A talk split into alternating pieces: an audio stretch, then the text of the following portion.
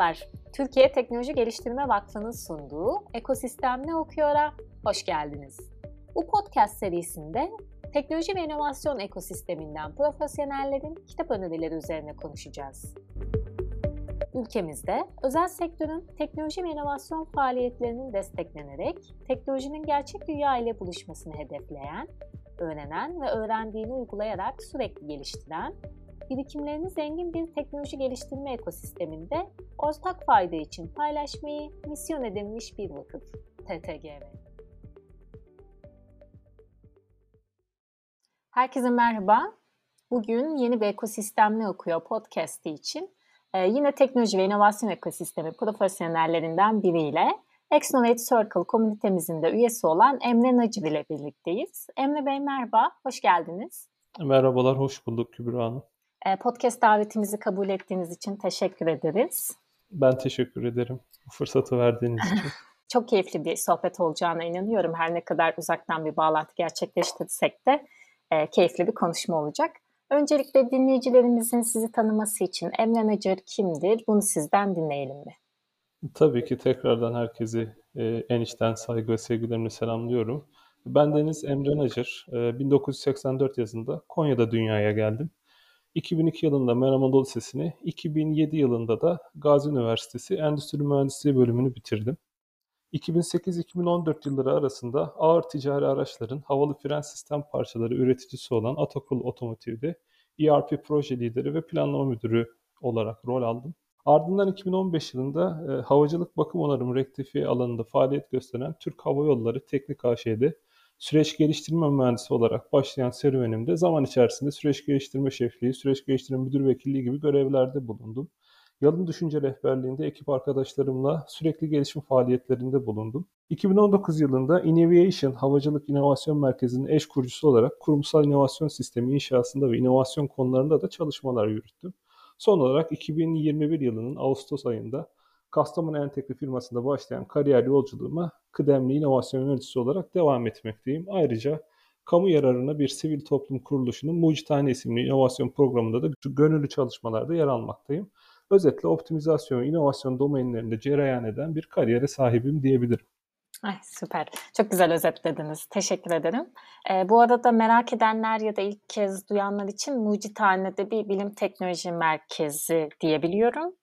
Ee, inovatif projeler üretmek isteyen araştırmacılar yetiştiren bir mucit okulun merak edenler e, mucithane.org.tr'den inceleyebilirler değil mi?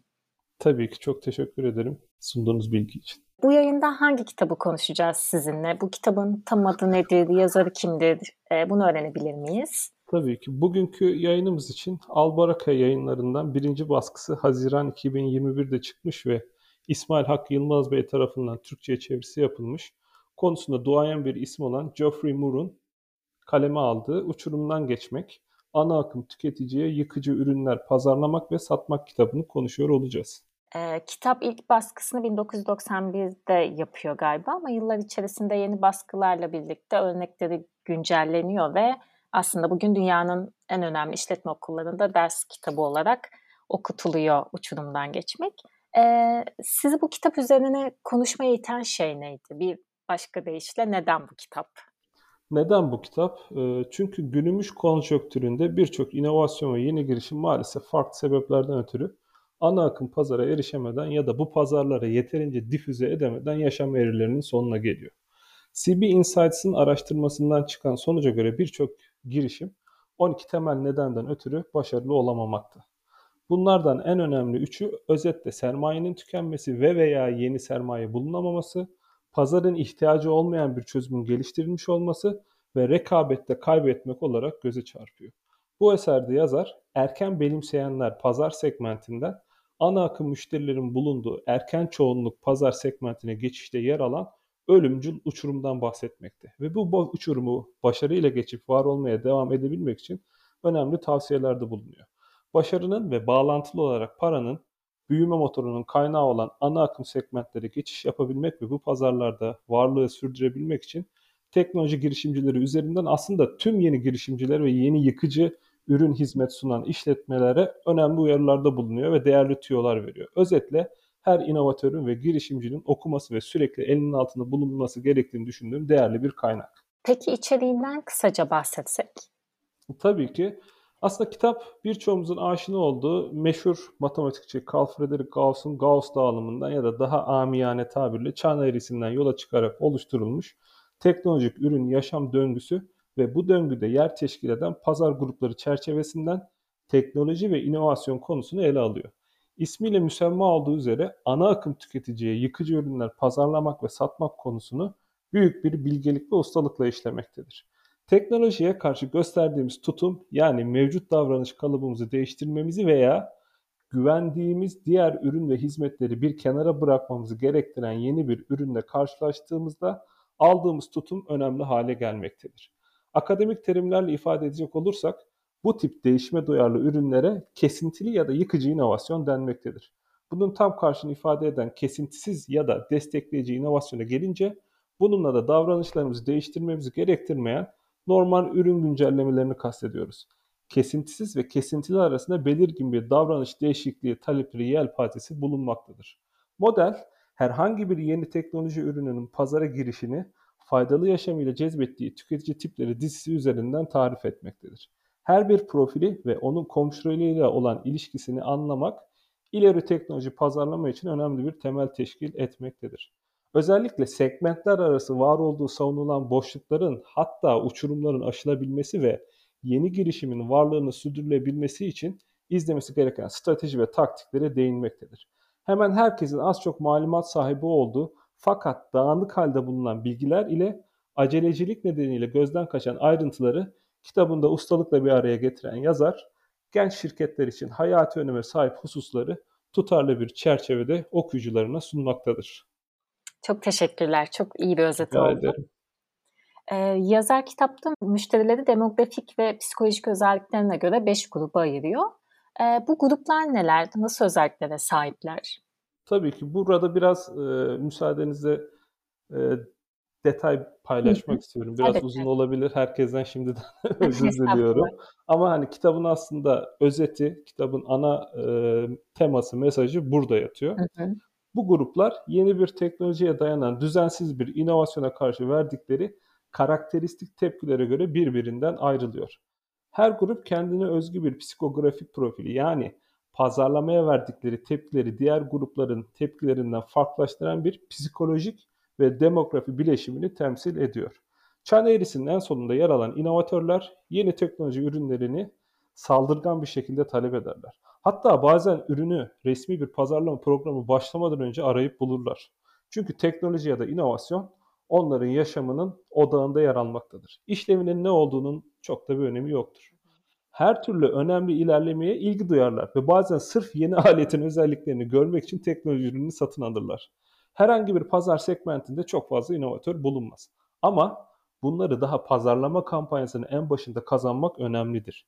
Çünkü ürünün çalışacağı pazardaki diğer oyunculara güven verirler. İnovatörler gibi erken benimseyenler de yaşam döngülerinin çok erken dönemlerindeki yeni ürün konseptlerini satın alırlar. Bunlar daha çok yeni bir teknolojinin faydalarını kolayca hayal edebilen, anlayabilen ve takdir edebilen kişiler olup potansiyel faydayla diğer ilgi alanları arasında kolayca bağlantı kurabiliyorlar. Erken benimseyenler satın alma kararlarını ürünün kendi işlerine yarayıp yaramadıklarına göre verirler. Çünkü onlar satın alma kararları verirken mevcut referanslara güvenmek yerine kendi sezgi ve vizyonlarına güvenmeyi tercih ederler. Bunlar herhangi bir ileri teknoloji pazar segmentine geçişte kilit rol oynarlar. Erken çoğunluk, erken benimseyenlerin teknoloji konusundaki bazı yeteneklerine sahip olmakla birlikte son kertede ürünün kullanışlılığına bakarak karar verirler. Birçok yeni icadın gelip geçici bir modadan başka bir şey olmadığını bilirler. O yüzden bekleyip diğer müşterilerin kanaatlerini görmek isterler. Ciddi bir adım atmadan önce sağlam referanslar görmek isterler. Çünkü bu segment çok geniştir. Yaşam döngüsünün aşağı yukarı üçte birini oluştururlar. Dolayısıyla sağlam bir kar elde edebilmek ve büyüyebilmek için onları mutlaka kazanmak gerekir. Erken çoğunluğun ilgi alanlarının tamamı genç çoğunluğun da ilgi alanını oluştururlar. Ama önemli bir ilave daha vardır. Erken çoğunlukta müşteri teknoloji ürününü kullanmakta güçlük çekmez ve ürünü satın alma kararını buna göre verirken geç çoğunluktakiler böyle değildir. Dolayısıyla bu gruptakiler bir şey iyice yaygınlaşıncaya kadar beklerler. Hatta o zaman bile birçok destek görmek isterler. Dolayısıyla ürünü alacaklarsa bile ancak bilinen büyük firmalardan satın alma eğilimi gösterirler. Erken çoğunluk gibi bu gruptaki herhangi bir segmentin aşağı yukarı üçte birini oluşturmaktadır. Aslında bu grubun onayını almak oldukça karlıdır.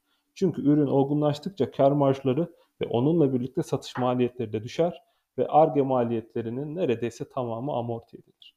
Son olarak ağır hareket edenler gelmektedir.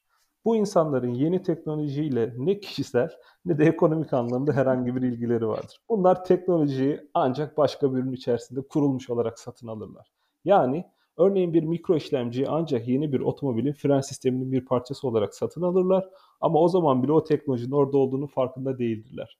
Pazar geliştirme perspektifinden bakıldığında ağır hareket edenler genellikle peşinden koşmaya değer bulunmazlar. Hakikaten kitabın özeti gibi oldu bu detaylı açıklama. Yazar başarılı bir ürün yaşam döngüsü için e, pragmatistleri yani erken çoğunu bir referans grubu olarak nitelendiriliyor ki e, siz de biraz önce aktardınız bunu. E, bu kitlenin ele geçirilmesinin pazarın geri kalanına açılan bir kapı olduğunu düşünüyor. Siz bu konuda ne düşünüyorsunuz? Gerçekten kritik bir kitle mi? Ve neden ayrıca? Aslına bakacak olursak erken çoğunluk diye nitelendirilen geçiş grubu o ana kadar inovatörler ve vizyonerler tarafından desteklenen inovatif çözüm için ölçeklenme ve gerçek anlamda pazar para kazanma fırsatı sunmaktadır. Ana pazarları ileri teknolojiye göre daha çok pragmatist olarak görünen ve buna bağlı olarak daha çok tutucu olarak görülen ve ağır hareket edenler veya kuşkucuların reddettiği geç çoğunluk tarafından lider kabul eden ismiyle müsemma ihtiyatlı erken çoğunluk domine ediyor. Vizyonerlerin hedefi ileri doğru kuantum sıçraması yapmak ise pragmatistlerin hedefi kademeli, ölçülebilir, öngörülebilir bir ilerleme sağlamaktır. Onların sözlüğünde risk olumsuz bir anlam taşır. Gerektiğinde risk alırlar tabii ama önce emniyet ağlarını açar ve riskleri çok yakından gözlerler. Pragmatisten tutucu pazar segmentlerine sorunsuz bir geçişin anahtarı pragmatistlerle güçlü ilişkiler kurup bunların yeni paradigmaya geçebilmesi için kapıyı açık tutmak ve eski altyapıya değer ekleyerek tutucuları da hoş tutmaya devam etmektedir. Bu en basit ifadeyle bir dengeleme hareketidir ama düzgün bir şekilde yönetildiği takdirde sadık, olgun pazar segmentlerinde para kazanma potansiyeli gerçekten yüksektir. Hele ki pragmatist erken çoğunluk ile takipçisi geç çoğunluk kitlelerin çan eğrinin ortasında ve toplam pazar büyüklüğünün 3'te ikisine hakim olduğunu düşündüğümüzde bu pazar segmentlerinde yer almak ve çözümümüzü bu kitlelerin satın almasını sağlayabilmek olmak ya da olmamak dilenmasının niyet yanıtı olarak karşımıza çıkacaktır. Ee, anlaşılan pragmatistlerle güven ilişkisi kurmak için harcanacak çabaya fazlasıyla değer. Ee, yazarın uçurum ve uçurumdan geçmek olarak nitelendirdiği durumlar nelerdir? Biraz bundan bahsedelim isterim. Tabii ki. Yazar kitabın ilk bölümünü ileri teknoloji pazarlama yanılması ismiyle adlandırmaktadır.